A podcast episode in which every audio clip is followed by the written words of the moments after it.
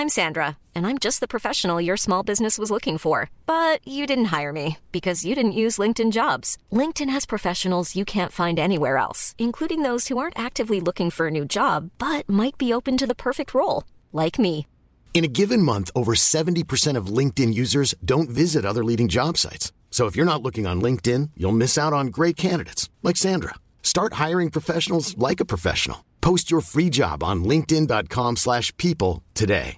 Everyone knows therapy is great for solving problems, but getting therapy has its own problems too, like finding the right therapist, fitting into their schedule, and of course, the cost. Well, BetterHelp can solve those problems. It's totally online and built around your schedule. It's surprisingly affordable too. Connect with a credentialed therapist by phone, video, or online chat, all from the comfort of your home. Visit betterhelp.com to learn more and save 10% on your first month. That's BetterHelp, H E L P. Here's a cool fact a crocodile can't stick out its tongue. Another cool fact you can get short term health insurance for a month or just under a year in some states. United Healthcare short term insurance plans are designed for people who are between jobs, coming off their parents' plan, or turning a side hustle into a full time gig. Underwritten by Golden Rule Insurance Company, they offer flexible, budget friendly coverage with access to a nationwide network of doctors and hospitals. Get more cool facts about United Healthcare short term plans at uh1.com. Millions of people have lost weight with personalized plans from Noom, like Evan, who can't stand salads and still lost 50 pounds. Salads, generally, for most people, are the easy button, right? For me, that wasn't an option. I never really was a salad guy. That's just not who I am. But Noom worked for me. Get your personalized plan today at Noom.com. Real Noom user compensated to provide their story. In four weeks, the typical Noom user can expect to lose one to two pounds per week. Individual results may vary. I'm amazed how many people own stocks. They, they would not be able to tell you why they own it. They couldn't say in a minute or less why they own it. Actually, you really press them down, they'd say, the reason I own this is the sucker's going up. There's enough cash in the financial system, and there's an infinite amount of cash at the Federal Reserve, an infinite amount of cash. Put that check in a money market mutual fund. Then we'll reinvest the earnings into foreign currency accounts with compounding interest, and it's gone. So they had to do something. All they had left was just to print money and start buying things. And that's what they did. Quick buck artists come and go with every bull market, but the steady players make it through the bear market. They say money can't buy happiness. Look at the fucking smile on my face. Hej och välkommen till ett nytt avsnitt av Market Makers. Och idag blir det spännande Fabian. Vi ska gräva djupt i ett område. Vad då för någonting? Jo, vi ska gräva i oljan. Eh, Det är nog många som tänker nu, olja, skulle man inte ha köpt det i botten 2020? Känns lite sent nu. Och vi är här för att säga, jag tror inte det. Jag tror att det kommer vara lite av en eh, liksom exponentiell uppsida i oljan, lite av en eh, parabolic run, en bull run som man säger. Eh, Och vi ska gå in på det senare avsnittet. Känner att jag inte riktigt fick till det här med, med skämtet här med olje, gräva efter och så är det drillers liksom inom olja. Men ja, det var, det var mycket roligare när jag förklarar i efterhand, eller hur? Ja, det är kul, såklart. Ja, men det ska vi prata om. Det kommer bli lite fokus på olja. Det kommer också kanske lite gl- glida in på några case inom drillers, då, eller oljeminers. Och som vanligt kommer vi också köra veckans topp tre. Tre stycken spaningar som vi har hittat under veckan. Men först ska vi påminna om att det inte är någon rådgivning rekommendation. Vi berättar om vår process, hur vi tänker, gör alltid din egen analys och glöm aldrig att alla investeringar är förknippade med Risk. vi hoppar in på topp tre och det första jag tänkte på det var ett inlägg faktiskt, eller en tråd från Jim Bianco på Twitter. En duktig makrostrateg är han väl, om inte jag minns fel. Och Det handlar egentligen om det här med långräntor.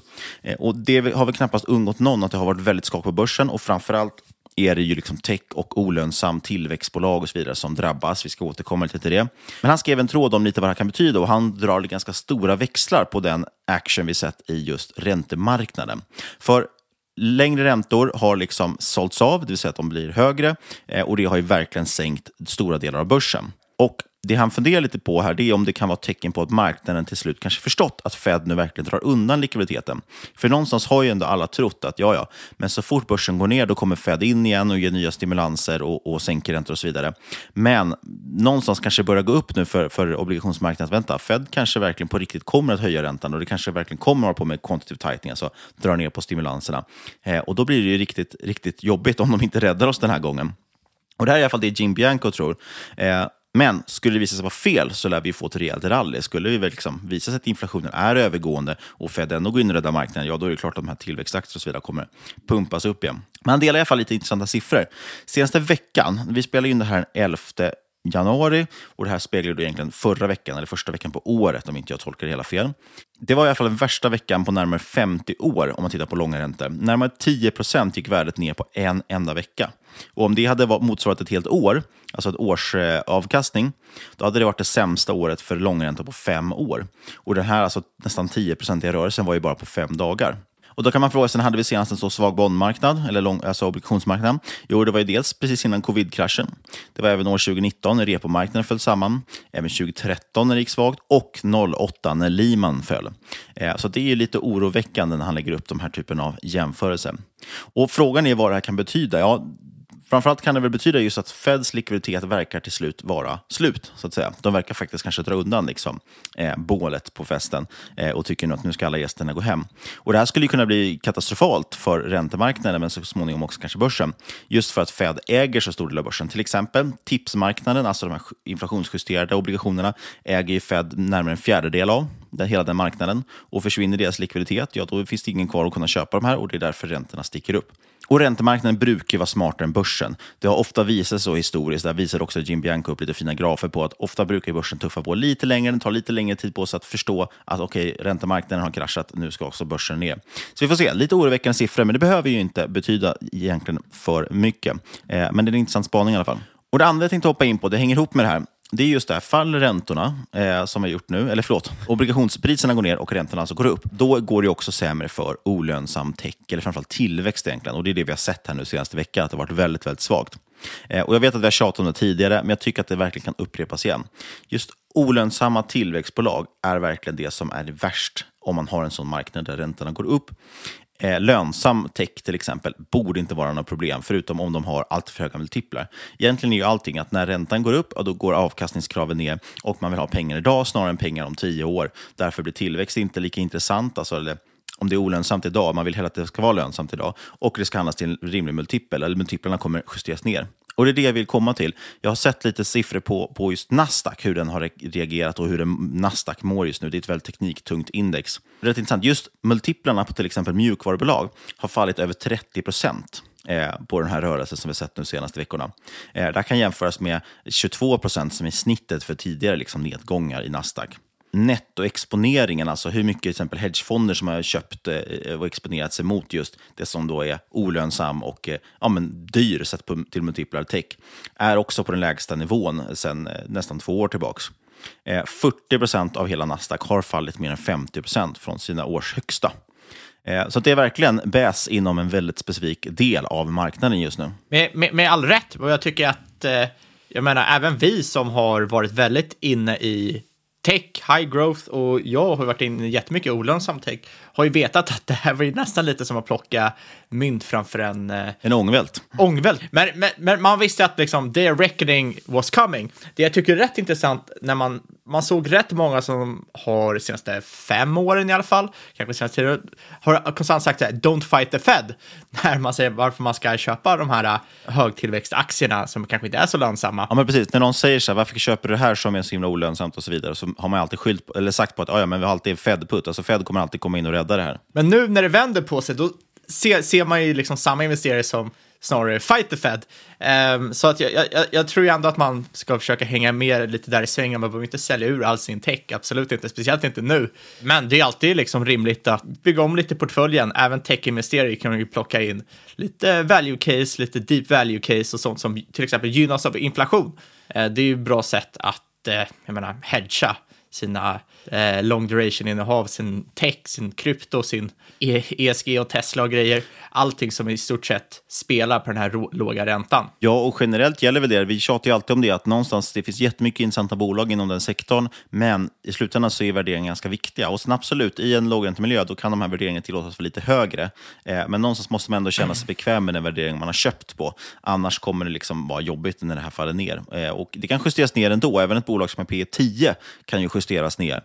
Eh, men, men det känns lite kanske lättare om man har köpt någonting ändå som har rimlig värdering, till skillnad från typ Tesla som är totalt, eh, ja, som verkligen är helt eh, orimligt övervärderat. Och om man vill kapitalisera kanske på det här, just att det sker väldigt mycket sektorrotation och folk flyttar om saker i sin portfölj, så är det ändå intressant. Avanza har ju rapport här om bara några dagar, alltså Avanza-aktien. Eh, och de handlas nu till, tror jag, P 25 på senaste 12 månaderna. Eh, lär ju vara betydligt lägre nu när den här rapporten kommer. Känns som att de täljer guld i de här tiderna. Framförallt, folk handlar väldigt mycket utländskt, det är mycket valutaväxlingsavgifter, men också courtage. Eh, och sparintresset, aktieintresset, är ju verkligen på topp just nu. Man ser Instagramkonton som har liksom över 100 000 följare och så vidare. Det är helt, helt enormt. Så jag tror att de verkligen kommer gynnas i den här miljön. Vi pratade ju även bara för några, två veckor sedan eller vad, eh, om Spotlight till exempel. Man Avanza är ju ett ännu mer renade play på att just dra del av att folk handlar mycket på börsen. Tredje och sista grejen jag tänkte upp är TikTok, apropå tech för övrigt. TikTok, de ska öppna restauranger nu. Har du läst det? Nej, men det är väl populärt nu bland annat influencers att öppna restauranger. Ja, TikTok ska öppna, eh, börja med 300 restauranger inför mars nu eh, och med 1000 planerade innan slutet av 2022. Och det här handlar ju om så kallade Ghost Kitchen, som förstått, eller Cloud Kitchen som vi pratade om i, nu kommer jag inte ihåg vilket avsnitt det var, men det var ganska länge sedan. Men det handlar helt enkelt om restauranger som, man kan inte gå in i restaurangen och handla någonting, utan man beställer hem. Och i det här fallet framförallt via Grubhub, som vi också tagit upp i podden förut. Så det är alltså mat man kan beställa hem från eh, olika restauranger. Och det de kommer servera är just viral mat, alltså saker som trendar på food talk, som det kallas, alltså matdelen av TikTok, kommer man då kunna beställa. Till exempel handlar det om den här feta pastan som blivit gigantisk. Det är faktiskt en finsk kvinna som tog fram den, lite roligt. Eh, den spreds enormt på TikTok. En fet, är inte all pasta fet? Eller missar jag någonting här? Feta-pastan, alltså fetaost. Jaha, så man, liksom, folk blir inte feta av den? Det blir man också. Men det är inte det som är grejen, utan grejen är att det är fetaost i den. Ah, okay. och för mig, nu kommer jag inte ihåg exakt hur man gör Jag tror faktiskt jag testat att göra det någon gång. Men man lägger väl ner cocktailtomater och fetaost och lite grejer i någon pasta, liksom, och, någon, och pasta i någon form och så in i ugnen och sen lagar den där sig själv. Så det är liksom en snabb, jättesnabb lagad rätt. Så den kommer man kunna köpa. Smashade hamburgare till exempel kommer man kunna köpa, för det är också stort på TikTok och så vidare. och så vidare. Den feta, lätt, eh, feta rätten låter ju perfekt för tech-investerare nu. 2022. Exakt. det låter jävligt billigt. så den typen av mat i fall kommer de sälja på sina ja, upp till tusen restauranger så småningom. Så det är lite spännande. Och det man gör med det här också är att vinsten man får från restaurangerna, förhoppningsvis, den kommer man återinvestera in i just content-skapare. Så att de som skapar bra food content på TikTok, de kommer då få pengar från restaurangerna på sätt och vis. Och det är lite intressant. Det här är ju, verkar ju vara lite av en trend. Jag vet att även Mr Beast på YouTube, han skapade ju sitt Mr Beast Burgers, heter det väl, en egen hamburgerkedja som har slagit upp runt om i USA. Vilket är rätt intressant eftersom då all marknadsföring och sales och så vidare går ju via hans YouTube-kanal, så behöver inte lägga pengar på det, så helt plötsligt får han ju bättre marginaler än andra typer av kedjor.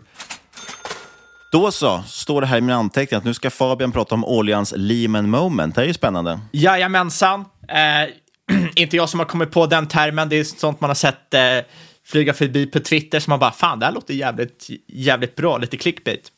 Men kort och gott, ingen kan ju missa att energi var den bäst presterande sektorn 2021. Eh, oljan själv var ju upp 60 procent. Äntligen fick de rätt, alla de som pratat så länge om att råvaror är undervärderade. Och de hade ju rätt, det var ju perfekt. Eh, och då kan man ställa sig frågan, är det inte för sent att köpa olja nu? Borde man inte köpt det typ när oljan var negativ, lite efter det. Eh, och det hade man kanske kunnat göra, men jag tror verkligen inte att det är eh, över. Jag tror att vi håller på att se en commodity bull cycle. Eh, det är bara att kolla på samhället just nu. Vi har en rådande energibrist, vilket helt ärligt väldigt många, det känns som de helt ignorerar den. Det känns lite som eh, corona december 2019, januari 2020. Folk ser saker hända i Kina, fan vad skumt, de stänger ner städer ja, någon smitta, nej, men det kommer inte komma hit. Lite så får jag den känslan för energibristen. Folk har eh, trippla, måste betala trippla priser på sina energiräkningar. Men, ah, det kommer ju lägga sig snart. Men jag tror att vi är på gränsen på en energikris här. För det här är inte bara någonting som har hänt av en slump. Det här är ju skapat av att vi har bristande infrastruktur. Så att det är allt större risk att det här kommer fortsätta framöver. Ja, för jag tror att stora motargumentet många har, det är väl att ja, ja, men snart blir det varmare igen. Problemet just nu är ju att det är kallt ute, det är vinter. Eh, och det, när det blir varmare under våren så kommer energipriserna gå ner. Och det är ganska givet egentligen. Men det är ju som du säger ett strukturellt problem som såklart kommer återvända, återvända även nästa vinter. Exakt, och då vi kommer liksom utnyttja samma saker vi har gjort nu, till exempel använda naturgasen som vi eller olja eller vad det nu kan vara, som vi producerar allt mindre. Vi har lägre supplies än någonsin.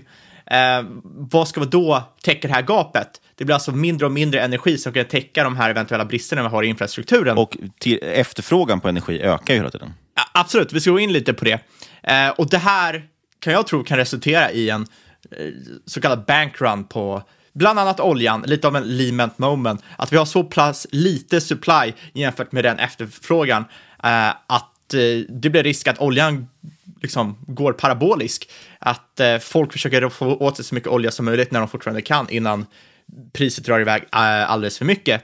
Och det var ju som vi pratade lite om i julavsnittet kring uran, att vi i väst, vi har varit väldigt aggressiva att skifta från fossila bränslen till förnyelsebar energi. Eh, och det har ju funkat helt okej okay, fram till 2021 då det började krisa sig. Man såg ju liksom i hela, hela Europa, det var för lite vind så vi fick inte in eh, tillräckligt mycket energi via våra vindkraftverk. Så i Brasilien som är starkt beroende av liksom eh, vattenkraft, att de inte hade tillräckligt mycket vågor. Så att alla de här länderna var ju tvungna att köpa in eh, naturgas. Och det visade sig att ja, det fanns inte tillräckligt mycket utbud egentligen för att täcka det och det gjorde ju att priset på naturgas 3-4 dubblades på väldigt kort tid. Och det här har vi gjort, gjort med alla fossila bränslen senaste årtiondet, framförallt i oljan, så vi har minskat capex, eh, vi har minskat urvinningen eh, och det har ju slutat med att vi har dragit ner på liksom, själva underliggande tillgången. Och eh, när vi då får de här problemen med att det inte blåser tillräckligt mycket, då vet vi inte riktigt vart vi ska vända oss. Och då måste vi liksom hitta någon typ av lösning. Och det som är intressant här är att narrativet är ju att eh, användandet av oljan minskar. Att vi rör oss ifrån olja, vi rör oss mot förnyelsebar energi. Men det är inte korrekt, det är inte rätt alls. Eh, till skillnad mot vad många tror så ökar vår oljekonsumtion med cirka 1% per år. Det låter rätt lite, men ränta på ränta på det så blir det väldigt, väldigt mycket för ett land, eller ett land, en värld som konstant minskar produktionen av olja. Så innan covid, då använde vi cirka 100 miljoner fat olja per dag globalt. Det är cirka 12 fat per person per år i väst och cirka 3 fat per person per år i emerging markets. Och eh, kikar man på många av de här klimatrapporterna då, som vill gå över till förnyelsebar eh, energi, då vill de ju antingen att vi stabiliserar vårt användande eller till och med minskar vår energiförbrukning. Och eh, det kommer att vara otroligt svårt, för Kikar man då på emerging markets, de förväntas addera 2 miljarder människor i befolkningen innan 2050. Eh, det är väl ungefär en tredjedel mer än vad som finns där nu. Och eh, inte bara det, men de har en växande medelklass. Eh, växande medelklass, vad vill de göra? De vill konsumera mer. Och vad konsumerar man mer? Jo, ofta är det energi. Eh, för det spelar ingen roll om du köper någonting eller om du ska åka bil eller vad som helst. Allting kräver ju energi. Och även om de inte kommer liksom konsumera 12 fat som vi gör, så tänk dig bara att de konsumerar 4, 5 fat, 6 fat kanske. Ja, helt plötsligt, då har du ju en dubblering i användandet av olja per år på väldigt, väldigt kort tid.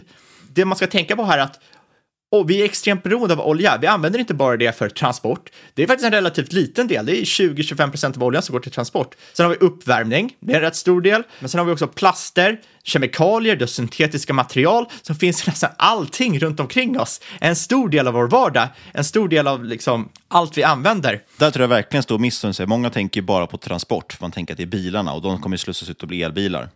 Men det är så, så mycket mer. Och sen så som sagt spelar det inte så stor mycket roll hur mycket elbilar vi har när vi står i Karlshamn och eldar liksom tusentals fat olja per dag. Men eh, exakt, jag så här, bara jag kollar framför mig just nu, vad är det som eh, har plats i sig? Det är skrivbordet, min dator, min mikrofon, mina hörlurar, min snusdosa, eh, stolen jag sitter på. Det är så otroligt mycket olja som krävs. Eh, som sagt, olja är en primär energikälla, men vi har en decline rate på oljan just nu på cirka 57 procent per år. Eh, om tio år har vi cirka hälften av, liksom, av de lager kvar. Förklara vad du menar med decline rate, tror jag. Eller decline rate. Alltså det, den oljan vi har eh, tillgänglig, vare sig det är den vi drillar upp eller den som har på lager, minskar 5-7 procent. Så att eh, om vi tar ut, vi säger om vi ha, har 100 fat möjliga nu, ja då nästa år, då kommer vi ha 93 fat tillgängliga och så vidare. Det gör att vi väldigt, väldigt Precis, snabbt... Så vi måste ut och leta mer olja helt enkelt? Eh, exakt, men med nuvarande produktion, nuvarande lager, eh, så kommer vi ha cirka 20 fa miljoner fat tillgängliga per dag eh, vid 2040. Det är alltså 25 procent av det vi behöver nu till 2040, då vi egentligen behöver dubbelt så mycket som vi har nu. Ser ni missmatchen där? Det är faktiskt helt galet. Och då är frågan, vart har oljan tagit vägen? Eh, för just nu har vi en så kallad triple deficit i oljan. Eh, utbudet är på en five year low. OPEC spare capacity eh, rör sig mot lägsta nivå sedan 2008 och det här har varit typ det man ser som lite av ett säkerhetslager. Och 2008, vad var det? Jo, det var i sig en 30 year low. Och sen är capex, capex det lägsta på flera decennier eh, på grund av konstant nedmontering i infrastrukturen kring olja. Eh, olje, oljecapex behöver öka med hundratals miljarder dollar för att man ska kunna möta den demand som marknaden kommer ha. Vilket, det är intressant men också jäkligt läskigt. Eh, och det som är, jag tycker är väldigt intressant just nu, det är att vi ser spotpriser på WTI, alltså på oljan, som är i linjer med före pandemin, men efterfrågan har inte alls återhämtat sig än. Det betyder att liksom Enligt mig är det ett väldigt stort tecken på uppsidan. Det rör sig precis, mycket snabbare det, än vad man skulle kunna precis, tro. för det bör ju återhämta sig till åtminstone samma nivå som innan pandemin, ungefärligt. Och därmed borde då e indikera ju att priserna kommer bli ännu högre då. Ja. E exakt, och anledningen varför det är ju för att lager har ju dragits ner, vår produktion har dragits ner rätt eh, rejält. Under 2020 så var det rätt många företag som gick i konken som sysslar med olja och även tidigare det, så senaste tio åren så har man bara nedmonterat, nedmonterat, nedmonterat. Ja, det hänger ihop med, det här har vi varit inne på förut, det hänger ihop med verkligen vad priset ligger och det gäller ju inom alla råvaror. Vi tjatar om det varje gång vi pratar om råvaror, att det, alla råvaror måste ju ha en viss prislapp för att det ska bli intressant att ta fram råvaran. Eh, till exempel har det ju varit lite krig med när man har på med shale, alltså skifferolja i USA. Eh, den var ganska dyr att ta fram, så då måste man ha ett högt oljepris. Då dumpade ju eh, typ Saudiarabien och så vidare, eller OPEC-länderna, ut olja för att sänka priset så att shale inte vart eh, eh, lönsamt och så vidare. Så det, det är ett väldigt spel kring den här. Men desto dyrare priset blir, desto mer ställen kan man ju leta på olja efter för att det går att motivera prislappar att hitta det. Mm. Och Shale har, ju, Shale har ju länge varit kungen inom olja, speciellt i USA. Men eh, det är många år nu som man har sett liksom, negativ cashflow i många bolag. Det har lett till konsolidering, lett till eh, konkurs. Och det är helt enkelt för att visa sig att Shale har haft väldigt eh, varierande lönsamhet beroende på vart man drillar någonstans. Eh, och det gör att eh, bolagen nu satsar på avkastning, ger ut pengar till sina aktieägare och de här typerna av utdelning, det gör ju såklart att man inte har lika mycket pengar kvar för tillväxt, att hitta nya ställen att eh, borra på eh, eller få, utvinna olja på. Man satsar även på deleveraging, alltså betala tillbaka skulder och framförallt dra ner på utsläpp. Eh, för det är väldigt populärt inom oljebolag nu att man ska gå lite green. och sen om man återvänder till då OPEC då, som är den här säkerheten, och det här tycker jag är lite av en canary in the coal mine. För tidigare har har man som sagt, man har alltid kunnat vända sig till OPEC, de har alltid kunnat backa upp med inventory så man inte riktigt behövt bry sig om priserna särskilt mycket. Priserna har fluktuerat lite, men man vet att det kommer att stabilisera sig. Men nu är det rätt intressant för OPEC och då även liksom länder som Ryssland, de missar sina egna kvoter för produktion. De kan helt enkelt inte producera tillräckligt mycket olja för att täcka efterfrågan. Och det är ju frågan om de gör med flit eller inte, antagligen inte. Exakt, jag, jag, jag tror inte att de gör det. De vill ju att det ska verka som de har det. Eh, jag tror inte de har den möjligheten. Och jag tycker det är extremt, ett extremt hett tips är att gå in och följa Bison Interest, en market researcher eh, kring just olja, troligtvis den bästa researchen på marknaden. Helt gratis, men han gör, liksom, han gör rätt mycket research om just det här, om just eh, hur lagren kring olja faktiskt ser ut och det ser sämre ut än vad många vill få det att verka. Eh, och sen kan vi gå ett steg eh, längre här då, då, och vända oss mot väst. För vad händer i väst? Jo, vi borrar ju inte efter olja heller. Eh, och jag har ju varit rätt kritisk mot ESG i tidigare poddar, förra avsnittet till exempel. Eh, men jag tycker faktiskt ESG, det kan vara rätt bra. Det håller borta fula fiskar så länge det är liksom finns någon typ av måtta bakom det. Men när man drar ESG till den extrema man gjort senaste årtiondet, eh, då får man ju problem. Det kan leda till de här typerna av kriserna vi ser nu. Eh, till exempel har vi sett extremt många ESG-aktivistfonder som tar kontroll över större oljebolag. Eh, man har till exempel en väldigt obskyr ESG-hedgefond som kallas Engine Number One som har tagit över två styrelseposter i Exxon Mobil och med hjälp av Blackrock och Vanguard så har de ju börjat avveckla Exxons fossila tillgångar. Man börjar väl med att avveckla cirka 25 procent som man säljer till en rätt stor rabatt för att kunna köpa gröna tillgångar eh, till ett premium istället. Och eh, helt enkelt man bryr sig noll om aktieägarvärdet. Eh, och det är förståeligt om man tänker så här, eh, energi utgör någon enstaka procent eller några enstaka procent av S&P 500, alltså det, det indexet i, idag. Men jämför man med det 1970, ja då utgjorde energi typ 25-30 procent. Det var alltså en väldigt stor del av indexet. Så att ETFer i dagens miljö, dagens samhälle, har långt mycket mer att vinna PR-mässigt genom att vara champions för grön energi. Att få de här oljebolagen att skifta över mot grön energi, än de har att förlora att de här eh, oljebolagen eventuellt tappar några procent i avkastning genom att köra de här oljejättarna i diket. Och det är inte bara ExxonMobil som det här händer för. Eh, BP är ju exakt samma sits. Eh, och sen har du ju Europa också. Du har ju Royal Dutch Shell. De har ju suttit i domstol där de har blivit tvingade att dra ner sina utsläpp med 40 procent till 2030, vilket är helt orealistiskt egentligen. Eh, men det tvingar dem att helt upphöra med sin produktion. Eh, och det här är liksom världens största bolag kring oljeproduktion. Ah, det, är helt, det är helt galet egentligen. Och eh, IEA, alltså International Energy Agency, har ju föreslagit att vi ska inte ens ha någon ny produktion eller exploration av olja.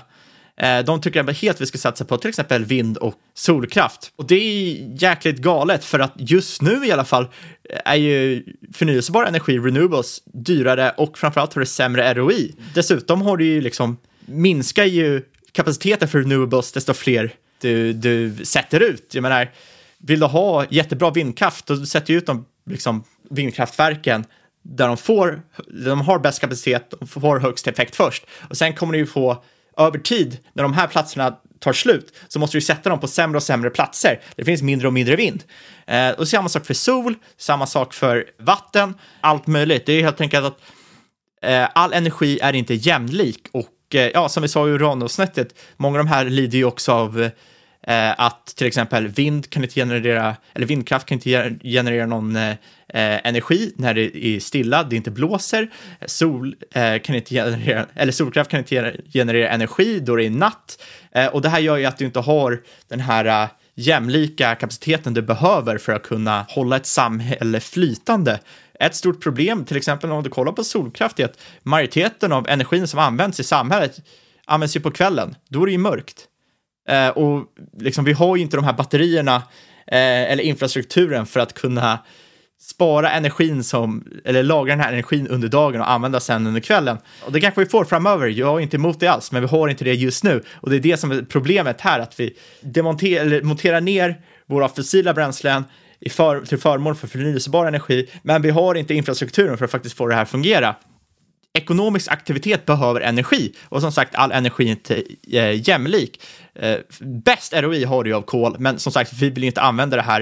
Eh, det är väldigt smutsigt att använda, men kol är otroligt billigt att utvinna, otroligt lätt att utvinna, väldigt energirikt. Sen just nu i alla fall så har du ju liksom olja, naturgas, det är dyrare, svårare att utvinna, eh, men har väldigt hög eh, effekt. Och sist just nu har man i alla fall renewables som är eh, dyr, eh, ojämn kapacitet och effekt.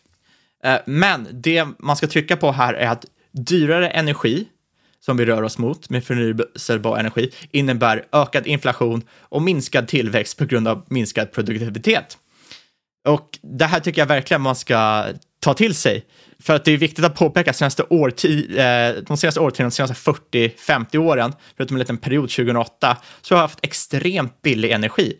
Ökningen av Eh, i användandet av energi är väldigt korrelerad med vår ekonomiska tillväxt. Så eh, blir det dyrare så har vi råd med mindre energi och med avtagande användning så kommer ju liksom tillväxten avta också. Så jag tycker det, vi har mycket varningssignaler här. Eh, och istället för att göra någonting åt det så känns det som man gör det gör det värre. Man ser ju dagligen att det kommer ut nya skatter, eh, nya motioner, att man ska lägga ner olika typer av verk, allt möjligt. Ja, det känns inte ett dugg verklighetsförankrat faktiskt. Det är väldigt mycket som drivs igenom. Det, det, det är det det inte känns. Bara signalpolitik känns som. Det är mycket signalpolitik och eh, jag är personligen lite orolig för det. Och som jag sa i förra avsnittet, jag tror inte på långsiktig inflation. Jag tror att mycket i samhället talar för deflation. Men jag är faktiskt lite rädd, eh, sen jag kom in på just energispåret, eh, för kortsiktig inflation. Och inte minst på grund av just den här energiinflationen, just eftersom det känns som det finns en sån stor supply-demand mismatch. Eh, och jag tror att det här kommer att vara extremt jobbigt för den här eh, low yield traden vi har haft. Det är tech, det är krypto, det är ESG som vi sa förut. Det är även jättejobbigt för eh, indexinvesterare tror jag att det kommer att vara. Um, kikare på framförallt amerikanska indexinvesterare kikar på S&P 500 som är nästan uteslutande tech och eh, low yield-bolag. Så jag, ja, det, jag är inte emot grön energi. Tvärtom, jag vill inte att någon ska tro det. Men som sagt, vi måste bygga ut infrastrukturen innan vi börjar nedmontera den fossila infrastrukturen. Precis, man har en ganska tydlig vilja om vart man vill och man har ju varit sprungit lite snabbare än vad verkligheten har hängt ikapp. Så kan man ju sammanfatta det. E exakt, man, man pratar sällan i realistiska termer om vart ersättningsenergin ska komma ifrån. Man säger, ja men bort med kolet och så har vi solenergi. Men man tar inte hänsyn till att det kanske inte är en 1 till 1 ratio här, att eh, en solenergi motsvarar en kol. Det är snarare liksom att en kol kanske motsvarar tre eller fem enheter solenergi i alla fall i dagens värld, ehm, för att du skulle kunna täcka upp kapacitetsgapet. Och det jag tyckte är rätt intressant här då med olja och annan typ av energi är liksom jämföra med vad som hände i 08-krisen. Eh, för när, den, när väl 08-krisen satte igång så bara fortsatte den. Och Fed, de slängde ju likviditet på, på elden. De, de försökte bara stoppa in jättemycket likviditet där. Men problemet i, i bakgrunden där med 08-krisen var ju att det är en kris i förtroende och ingen visste vem som höll i bomberna helt enkelt. Det var ingen som ville köpa varandra. Och, eller låna ut till varandra rättare sagt. Och det här gjorde ju att hela marknaden helt enkelt frös. Och det var en jättestor del bakom krisen, eh, trots att det fanns likviditet där i bakgrunden.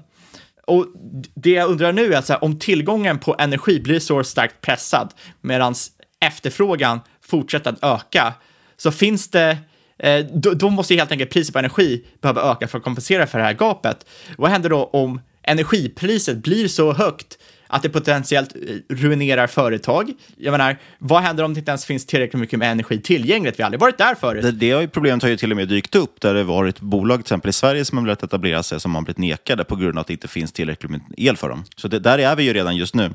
absolut, men jag tycker inte folk tänker på det. I, här i Storbritannien så har de behövt, behövde de stänga ner massvis med fabriker och produktion. Samma sak i Kina och jag antar i stort sett hela, hela världen. Men det känns som folk tänker, ja men det här är övergående, det är väl ingen stor grej att det här händer. Det är ju skitstor grej och jag tr tror inte vi har tillräckligt mycket för att stoppa att det ska hända igen. Eh, man ser ju liksom, senast idag såg jag att politiker, de skyller ju på energibolagen eh, och vi beskattar dem hårdare för det som händer, att energipriserna går upp. Jo, vad händer då? Jo, det hämmar ju produktionen ytterligare, så det kommer ju sluta med att produktionen går upp ännu mer. Eller vad säger jag, inte produktionen går upp ännu mer, produktionen kommer avta ännu mer, vilket innebär att eh, priserna kommer gå upp ännu mer. Och det är helt galet.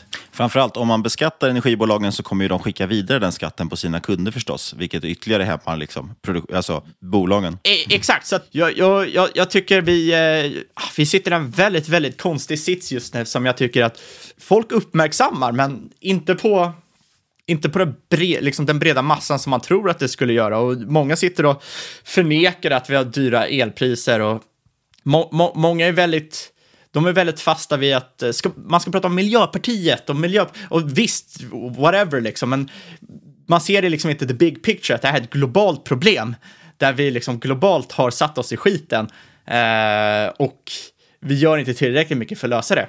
Men nu är frågan, vi kommer inte kunna lösa det här problemet idag, men frågan är vad kan vi investera i? Det är ändå det den här podden handlar om. Vi pratade ju om i för, förra avsnittet om uran bland annat, som är ett ganska intressant play på det här, eftersom vi tror att kärnkraften kan få en revival och komma tillbaka. Eh, men nu ska vi prata lite om oljebolag. Vad har vi för någonting vi tittar på där? Ja, det, som sagt, utbud försvinner väldigt snabbt. Eh, alla divestar från exploration och production och då är det liksom det man vill kika på. Och jag tycker det är viktigt att man ska tänka på att eh, inom råvaror så bör man alltid egentligen tänka efter utbud och inte efter efterfrågan. Efterfrågan kan alltid eh, hittas på eh, efter narrativ, men utbudet kommer ju alltid vara ren, ren matematik, eh, om man säger så. Och olja är en inelastisk vara, det går inte att byta ut den. Eh, inte än i alla fall, tyvärr. Och eh, då är frågan, hur kan man spela på det här? Eh, för är du som mig så tror jag inte vi stannar här runt 75-80 kring oljan. Jag tror att eh, vi snart, väldigt snart kommer se triple digits, eh, över 100, kanske till och med 150 inom en rimlig, rimlig tidsspann. Såklart kan man ju då köpa underliggande. Bäst då är det med långdaterade koloptioner. Jäkligt billigt fortfarande, men det är jättesvårt för retail att få tag i det här. Så då börjar man ju kolla på oljebolagen. Och enligt mig så ska man ju skita i de här eh, majors som det kallas, de stora bolagen som eh, BP, Shell, ja, alla de som jag nämnde tidigare på grund av just ESG-risken. Man diversifierar ju från oljan så du får ju en rätt eh, begränsad uppsida enligt mig. Då är ju frågan, vad är de mest intressanta alternativen här? Och det jag har börjat kika på tack vare min kära vän Jörns Bullmarknad på Twitter är offshorebolagen. Och det som är intressant här är att det är eh, oljans hackar och spadarbolag. Och det vet jag att det är många, många tech-bros som tycker är intressant. Och offshore-bolagen, det är egentligen en out of the money call på oljan. Eftersom de inte tjänar några pengar förrän de är så kallad in the money på oljan. Det vill säga att oljan når en viss nivå.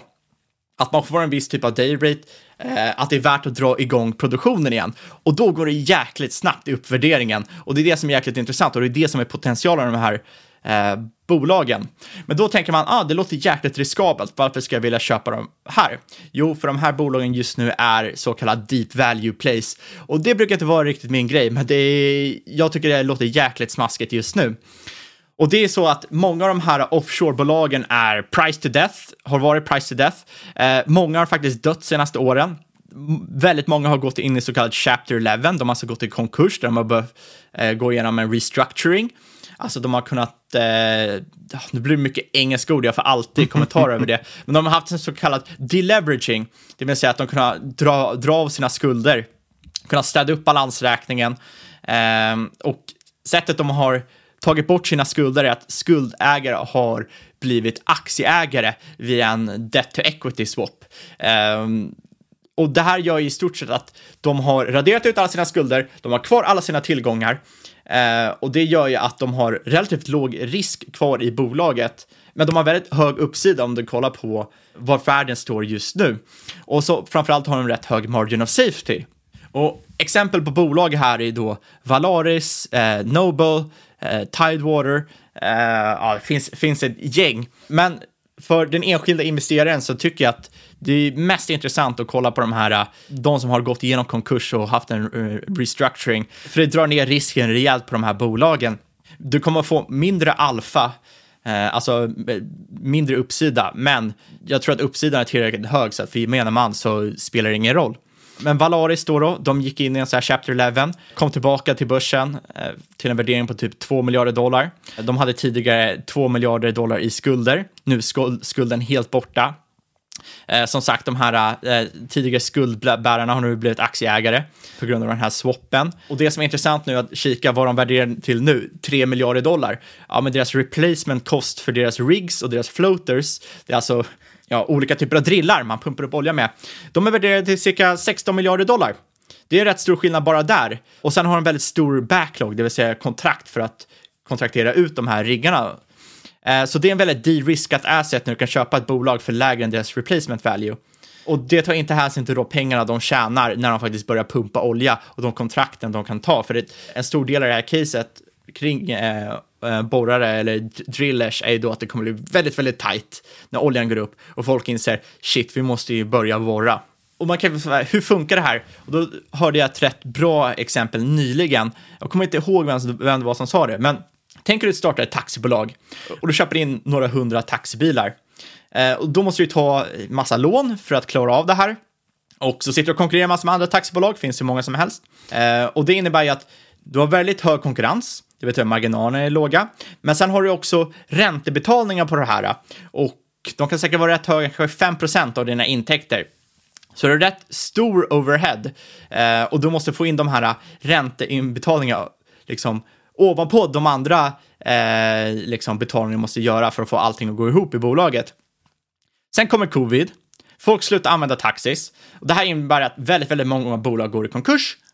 Eh, men vissa bolag kan ju gå igenom så här kallat Chapter 11 och det innebär att lånet försvinner, men de har kvar tillgångarna. Eh, så nu när covid eh, börjar liksom försvinna lite, samhället börjar komma tillbaka, då kan du komma tillbaka till industrin och ha lägre priser än dina konkurrenter eftersom du har lägre fasta kostnader. Och det här är en rätt bra vallgrav för att det är inte så många som kan konkurrera med lägre priser. Och det som är intressant också, eftersom det är en tight marknad, det finns inte så många oljebolag, eller sorry, taxibolag kvar på marknaden. Eftersom det är rätt lång ledtid att starta ett taxibolag. Eh, så då när folk vill komma ut och leva loppan och leva som vanligt och efterfrågan på taxis går upp, ja, då kan du köra lite av den här Uber-style price searching. För en resa som kanske kostar 100 kronor två veckor sedan när det var ingen som ville ut och liksom åka, kanske du kan dra upp till 3, 4, 500 kronor nu när det är rätt många andra som vill ut och åka. Eh, och det är ju det som är bullcaset för drillers. Det har försvunnit väldigt många. Eh, det är väldigt lång ledtid på att liksom, dra igång en produktion och det gör ju att när oljan når en viss nivå att det blir lönsamt. Att, att, att det kommer bli väldigt, väldigt tajt där från folk som vill ha kontrakt. Eh, och då är det viktigt att kolla på vad, vad det är för typ av drillers man kikar på. Eh, onshore och shallow water eh, Eh, är de billigaste producenterna, men onshore är relativt förbrukat. Eh, och det är den här klassiska eh, typen av olja där man tänker på 1800-talet och så vidare.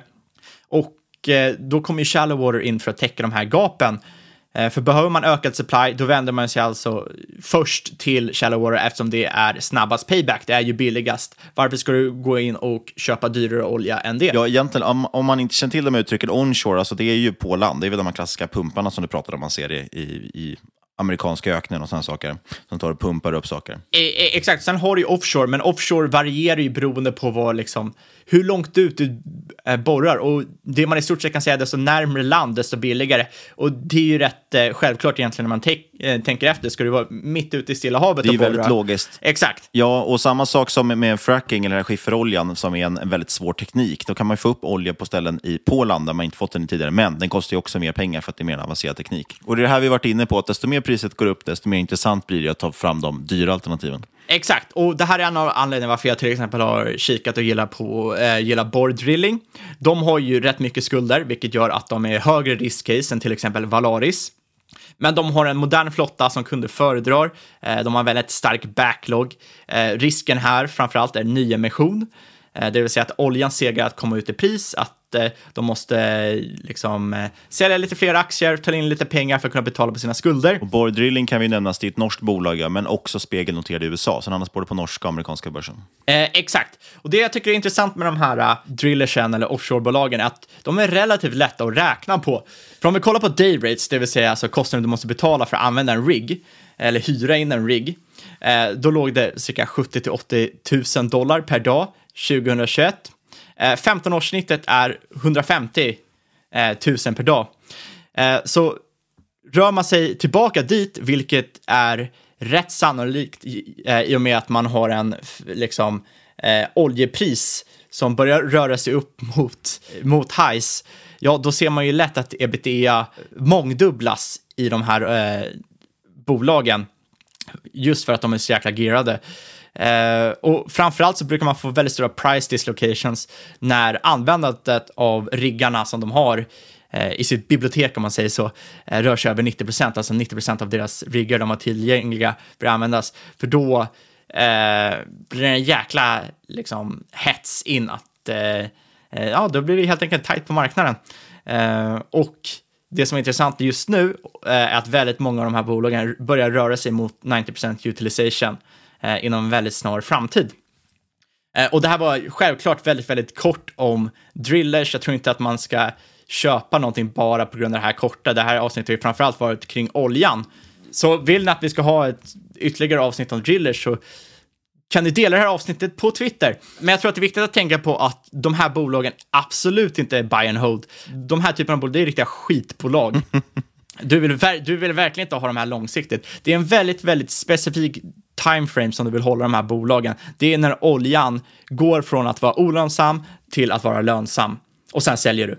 Eh, och det här gör du oftast genom att skala av. Och när du ser att oljan når nivåer på 100-150, du ser, du ser att day rates börjar komma upp liksom mot 15-årssnittet, kanske överskjuter det, ja då kanske det är bra att börja eh, skala av. För det här är ju cykliska bolag vi snackar om som i grund och botten är som sagt skitverksamheter. Och du, du vill inte vara den här finns, finns ett uttryck som heter monkey trap och det är i stort sett eh, gamla jägare som skulle jaga apor som brukade göra ett hål i ett träd och så drog de in lite honung eller några nötter eller vad det var. Och så går apan in och så försöker de ta åt sig alla nötter. Men när eh, näven är stängd, ja då får de ju inte ut alla nötter.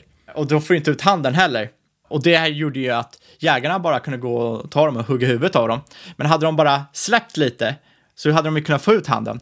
Eh, summa summarum är att försöker du plocka 100% avkastning här så kommer det antagligen gå åt helvete. Ja, men det är väldigt intressant play och framförallt är det ju väldigt intressant att hålla koll på energimarknaden för det händer väldigt mycket saker där.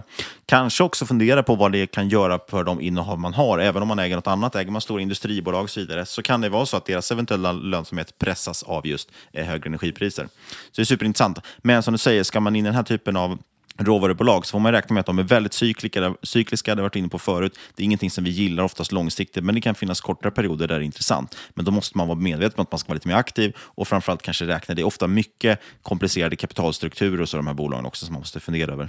Det är det verkligen. Som sagt, det är inte buy and hold. Men eh, man ska också vara medveten om att den här eh, det här caset kommer antagligen ta lite tid att spela ut, hela oljecaset. Det är antingen, liksom, antagligen några år sikt. Det kan ju vara allting från till tre till fem år. För att det så att det, är, det är inte heller så att det handlar om liksom en vecka, eh, utan det är ju liksom lite mer om en långsiktig trade. Ja, det var dagens avsnitt. Lite ovanligt kanske. Var, vi pratade ju väldigt mycket om makro och vi har pratat väldigt mycket om råvaror och så vidare. Sånt. Men det känns som att det var väldigt länge sedan vi tog upp det. Och det har ju varit just för att det har varit en väldigt gynnsam miljö för tillväxt och tech och sånt, som vi dessutom gillar väldigt mycket också. Eh, men jag kan tänka mig att nya lyssnare kanske får en chock att vi pratar om sådana saker plötsligt. Men det kommer inte bara vara det. Vi, kom, klart kommer vi, vi kommer såklart hitta till, tillbaka till techbolag också. Jag kan tänka så här, det, det är jättekul att prata tech, men vet du vad som är roligare än tech? Det är att tjäna pengar. Exakt. Så att finns det några andra opportunities så är det lika bra att Eh, kika in dem också. Man vill inte måla in sig för mycket i ett hörn, även fast vi kom på att det skulle kallas tillväxtaktiepodden ungefär samtidigt som det skedde en rotation från tech till värde. det är så vi jobbar. Eh, du, äger du något bolag som vi pratat om idag? Jag äger ingenting av det vi har pratat om idag. Eh, ja, jag äger både Valaris och Borr. och med det sagt så måste man ju självklart göra sin egen analys, speciellt när det kommer till sådana här eh, bolag. Ja, för inget av den här podcasten ska ses som rådgivning. Alla åsikter våra egna, eller gäst och eventuella sponsorer tar inget ansvar för det som sägs i podden. Tänk på att alla investeringar förknippade med risk och sker under eget ansvar. Kontakta oss jättegärna på podcast at marketmakers.se eller på Twitter at marketmakerspod om ni har några kommentarer. Och glöm inte att lämna en recension på iTunes, men bara om den är snäll, inte om den är taskig, för det är inte bra för framtida lyssnare att se. så, så är det verkligen. Sist men absolut inte minst, stort tack för att du lyssnat, kära lyssnare. Vi hörs igen om en vecka.